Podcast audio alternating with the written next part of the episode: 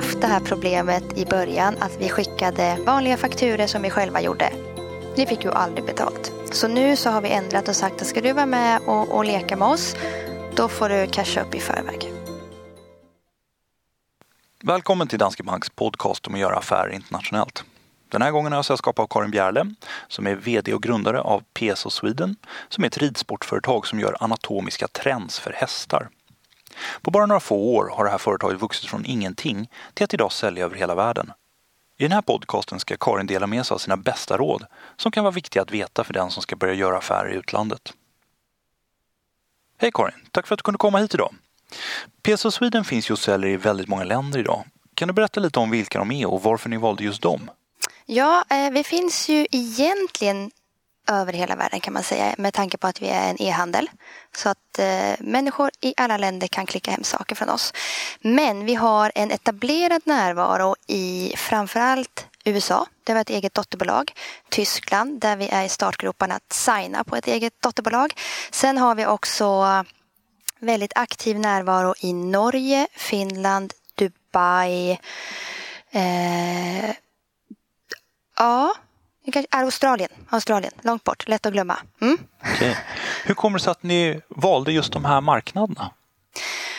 Ja, vi brukar säga så här internt att vi går in i ett land när landet ber oss komma. Och vad menar vi med det då? Jo, att eh, vi gör ingen aktiv marknadsföring alls, eh, förutom det som vi gör på sociala medier som Instagram och Facebook. Men när vi får tillräckligt många mejl från kunder i ett specifikt land eller att det är nyckelpersoner som börjar höra av sig. Och nyckelpersoner är för oss sådana som säger att hej, jag älskar PSO Sweden, får jag jobba med er? Jag kan erbjuda det här. Då tar vi kontakt med den personen och sen så kollar vi, ja hon, är oftast en hon, eh, verkar jättebra och då så säger vi kör, absolut. Så att vi går in i ett land när vi får tillräckligt mycket människor som vill ha oss där. Så hur kommer ni i kontakt med era kunder och hur hittar de här kunderna som bjuder in er att komma till länderna, hur hittar de er? Vi är ju säkert väldigt unika på så sätt att vi har ju i stort sett noll kronor i vår marknadsföringsbudget och då kan man ju undra hur går det ihop med att ni faktiskt har kunder över hela världen? Jo, på så sätt att vi jobbar med sociala medier. Instagram är ju vår viktigaste kanal utan tvekan. Eh, Facebook också jätteviktig. Och sen så har vi en produkt som hästarna själva gillar. I ridbranschen, det är säkert så i andra branscher också, men det är ridbranschen jag kan. Där delar man ju ofta gärna med sig med tips och råd till sina stallkompisar. Så att vi sprids helt enkelt genom eh, mun mot mun-metoden. Nöjda kunder som berättar om det och sen så lägger vi på lite sociala medier och sen så är vi i hamn. Finns det några råd som du önskar att du hade fått höra innan ni beslöt att expandera ut, ut utanför Sverige? Ja, det där är ju en både ja och nej-fråga. Eh, för hade jag fått alla råd som det finns att hämta på nätet och av många kloka människor, då hade jag med stor sannolikhet inte gjort det. Eh, och med det menar jag att det finns så mycket att läsa. Det finns egentligen så mycket information man kan tycka att man kanske borde ta in innan man gör någonting. Det kan vara lag, eh, lagar från, från tullen i landet, vilka sales tax det är. Om man tittar på USA så är det ju massor med olika sales tax i olika delstater.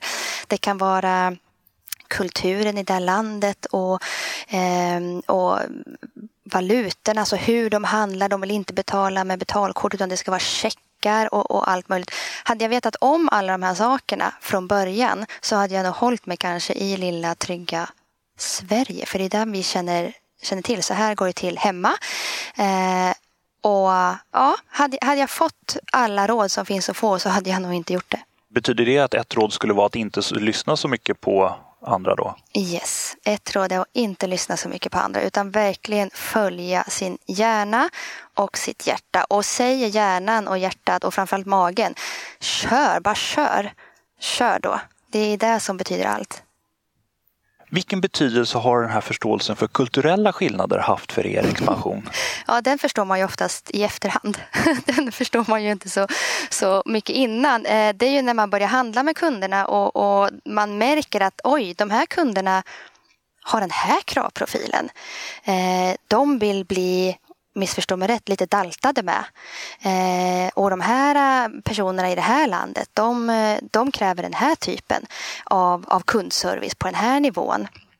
Så därför så, så märker man att kulturen är annorlunda. Eh, och återigen, det är lite learning by doing. Man försöker förhålla sig så professionellt man bara kan utifrån sin eget, sin eget företags eh, värderingar och, och, hur man vill jobba med kundservice. Och sen så får man helt enkelt snickra ihop och göra lite ändringar utefter vad, vad kunden just det landet faktiskt vill ha. På, på, på vilka marknader där ni befinner er eller har en stor närvaro eh, skiljer sig kulturen mest från det svenska sättet att göra affärer? USA. Utan tvekan. Amerikanerna är ju mycket, bara man ringer till, till eh, något bolag i USA så börjar de ju med att svara i telefon och tacka för att man ringer, även om man ska ringa och kanske skälla på dem. Det är inte riktigt så vi gör i, i Sverige eller i Skandinavien. Eh, men där är det mycket eh, om det kanske var någon, en produkt som kanske eh, släppte i sömmen eller liknande. Då det är ganska mycket, man får smöra ganska mycket för dem. Alltså verkligen, oh I'm so sorry for this. Och, och hur kan vi göra dig nöjd igen? Och här får du en påse hästgodis på köpet. Och, och man, man får liksom göra precis allt i sin makt för att få den här kunden nöjd. För att i USA är det ju ganska läskigt med, med stämningar och, och man kan dra det ganska långt. Och man får ju friskriva sig från precis allting i sina villkor för att man ska känna sitt trygg i att man faktiskt vågar sälja en produkt. Eh, för vi säljer ju ridsportprodukter och du kan ju faktiskt ramla av en häst. Det händer ju ganska ofta och du kan ju bli sparkad av en häst. Så det gäller ju där att hålla kunden nöjd och glad på alla sätt och vis som kunden kräver. Ibland så får man bita ihop tre gånger och kanske att man svär lite tyst. Men man får ändå liksom, självklart så fixar vi det här och är det någonting mer du behöver för att vara nöjd och glad. Um, så att, ja, det är det. USA är USA. Hur funkar det att få en, en svensk personal att anpassa sig till det här annorlunda, lite väsensskilda sättet att hantera kunder? Men vi har gjort en, en grej av det. Vi har sagt internt att det här är en eh, en utmaning. Vi gillar utmaningar på jobbet. Vi älskar saker som vi aldrig har gjort förut. Ehm, så att då har vi liksom gått igenom med personalen att okej, okay, amerikanarna, hör de av sig, gör dem nöjd till alla, till alla, alltså gör dem nöjd så mycket det bara går. Ehm, och vi har det lite som en ja, men intern utmaning. Att vi vet om att det kan vara lite knivigt eh, och därför så, så kämpar vi lite hårdare med det. Om man tittar då eh, på andra skillnader mellan eh, verksamheten i utlandet jämfört med den svenska verksamheten. Hur ser det ut med till exempel att få betalt i tid? Vi har en ganska hög betalningsmoral här i Sverige. Mm. Hur funkar det i andra dotterbolag? Där tar vi ofta betalt i förhand.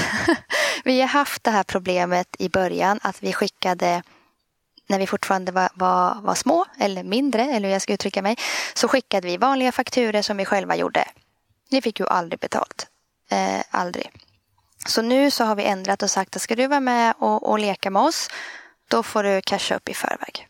Och eh, många tycker inte att det är ett problem. Eh, och sen så säger vi lite kaxigt internt att tycker de att det är ett problem, då får de vända sig till någon annan. För att vi vill inte ta risken av att de inte betalar. Sen kan man alltid ha en dialog och säga okej, okay, jag har betalat bra de tre första gångerna. Nu vill jag ha kanske en kredittid på, på 15 dagar. Då säger vi ja, du får 10. Så. Eh, och sen så gör vi det bara om vi vet att vi har någon lokal representant i närheten så att, som kan åka och hämta saker om de inte betalar. Om det skulle vara till exempel en butik eller så. Har det förekommit att ni har åkt och hämtat grejerna? Inte ännu. Ja. Vi har som tur nog inte behövt göra det. Hur pass förberedda var ni innan ni valde att börja expandera utanför Sverige? Vilken sorts, sorts information hade ni inhämtat? Vi var väl inte förberedda alls. Utan vi visste bara att vi ville göra det. Ehm, och så la vi ju, som vi fortfarande faktiskt gör ganska ofta, vi lägger ju rälsen medan vi springer. Och det är ju en avvägning här. Ska jag vara säker på min sak och göra saker och ting rätt? eller ska jag göra dem här och nu och med fart? Och för oss har alltid här och nu och med fart varit mycket viktigare än att göra saker och ting rätt. För vi kan ta, och när jag säger rätt så betyder det att vi ska ju naturligtvis inte bryta några lagar eller göra dumheter, utan det är inte det jag menar, utan det jag menar är att vi har ett konto som vi kallar för läropengar och det är dit saker och ting, alltså kostnader som vi kanske inte skulle ha behövt ta om vi hade gjort saker och ting på lite mer rätt sätt. Eh, sen får man ju ställa dem, den kostnadsmassan då mot vad tempot innebär. Eh, och vi har ju en väldigt unik produkt. Och har man en unik produkt som är väldigt bra så börjar ju alla andra snegla på och kolla varför, varför går det så bra för dem där och vad gör de som, det där vill vi också göra. Så att då har vi de här stora konkurrenterna, de börjar ju snegla på oss utan tvekan. Så för oss är det ju fart, alltså nu som spelar in. För är vi inte och gör de här sakerna på de stora hästmarknaderna, England, Tyskland, USA, då kommer ju konkurrenterna och gör det för oss och då blir vi nummer två eller tre på marknaden med vår egen produkt och då tar jag gärna en smäll på några hundratusen här eller där för att jag ändå hann först ut på marknaden. Istället för att jag var då två eller tre ut på marknaden och har sparat de här hundratusen. Kan du berätta om någon av de stora uttagen på det här läropengskontot? Mm. Herregud.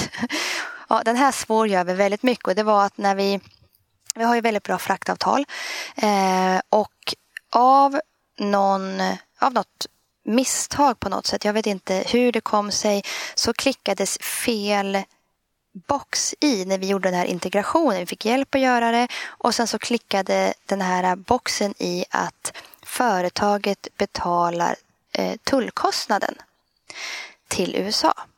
Det betydde att vi under ett år betalade alla då införtullningar för våra slutkunder i USA av misstag. Och sen så ringde den här äh, bolaget upp mig då, ett av de stora fraktbolagen och sa Karin, ni är så himla snälla mot era kunder. Jag bara, ja, jo, men vad tänker du på?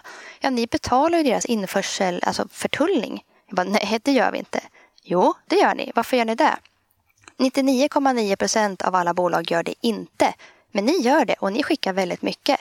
Så att ni är ju skitschyssta nej, oj då, vad är det här för något? Och då fick ju han eh, räkna fram det där och jag tror att vi hade då var uppe i summor som ja, 330 000 av misstag då för att vi hade stått och betalat att avsändaren skulle då betala istället för mottagen för att en liten box var ikryssad.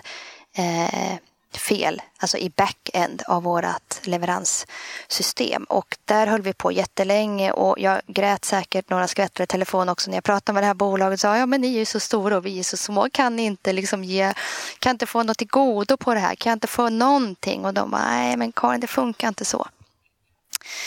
Så att nej, eh, så att där skulle vi ju ha kanske tittat en extra gång. Så det var ju tur att de ringde, annars skulle vi säkert fortfarande göra det idag. Hur ser man till att behålla kontrollen över organisationen när man är på så många marknader? Ja, men återigen, alltså, kontroll i all ära, absolut. Men om du bara ska liksom kontrollera allting hela tiden så kommer folk aldrig våga utvecklas. Så tänker jag. Du, tydliga ramar, tydlig målsättning och ansvar under frihet. Eh, och går saker och ting käpprätt åt skogen, ja då gör det det, men bara en gång. Det, det, är vi väldigt noga med. Man får göra fel, man ska tala om om man gör fel och man ska bara göra felet en gång. Eh, så att vi kan ju inte kontrollera. Då skulle ju mitt jobb bara gå ut på att kontrollera allt och alla. Och vi kanske kommer behöva ha eh, en sån tjänst framöver. När vi blir ännu större, inte vet jag. Men just nu så, så får man faktiskt ha lite tillit. Om man tittar på eh, organisationen och det som finns omkring dig. Vilken roll spelade stödet omkring dig för beslutet att expandera? Jättestort. Alltså, du behöver ju ha människor runt omkring dig som, som tror på dig. Eh, sen måste man ju vara väldigt duktig på att eh, selektera. För det finns ju alltid människor som, som tycker att eh, man inte borde göra på det sättet eller, eller har du tänkt på det här och ditten och datten. Och man måste lära sig att inte fråga alla människor om allting. Utan att kanske välja ut personer som man vill bolla med. Som man litar på och som man vet att dennes svar är för mitt bästa. Eh, och våga eh, ja, men våga välja ut vilka människor man ska ha runt omkring sig. Det kan vara jättekul att, att prata lite ytligt om, om Dubai och shopping med en kompis. Men det kan vara jätteviktigt att prata säljtekniker och, och andra metoder med en annan. Eh, så att det, väl, det gäller ju att man verkligen ställer rätt frågor till rätt person. För man vill ju ha ett svar som faktiskt eh, ger någonting tillbaka. Och inte ett svar som speglar den personens personlighet. Eh, och ofta så ska man ju fråga kanske andra entreprenörer eh, eftersom att det är de som vet hur man tänker och hur man gör och hur man faktiskt eh, mår och lever som en egenföretagare och som entreprenör. Att vara egenföretagare är ju det svåraste som finns. Um, så då gäller det att ställa rätt fråga till rätt person och det är jätteviktigt att du har, har rätt personens stöd. Andra personer kan du skita i. Vad de tycker, det, det är ju dig scheissegal. Vilka är de viktigaste läxorna du lärt dig om att expandera i utlandet och handla med andra länder? Hitta rätt personer. Jätte, jätte, jätteviktigt. Jätte, jätte, jättesvårt. Eh, och återigen, våga testa personer. Låt dem vara eh, kanske konsulter, independent contractor eller liknande så testa dem i några månader så att de vet vad det innebär att jobba med er och du vet vad de går för. Eh, men rätt personer är A och O. Vi brukar säga att även om vi har en bra produkt, en väldigt bra produkt så är det ju människorna runt omkring den som, som gör att produkten blir en, en succé. Um, så att har du rätt personer och har en, har en hyfsad produkt så blir det bra. Men har du rätt personer och har en jättebra produkt så blir det ännu bättre naturligtvis. Men rätt personer är A och O. Att de ska liksom dela ditt engagemang och de ska dela ditt driv. Och de ska förstå vad det är du vill att de ska göra. Klara direktiv från början och sen väldigt mycket frihet under ansvar. Och då kan du få vilken person som helst att verkligen blomma ut och älska sitt jobb. Tack för att du lyssnat. Vi hoppas att du har fått lite inspiration av den kunskap och erfarenhet som några av våra kunder delat med sig av.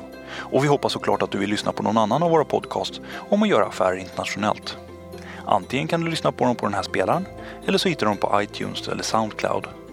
Du kan antingen lyssna på när två företagsledare delar med sig av sina bästa råd för en lyckad internationell expansion eller en där en grundare och styrelseordförande pratar om fördelarna med att arbeta med partners och återförsäljare i utlandet.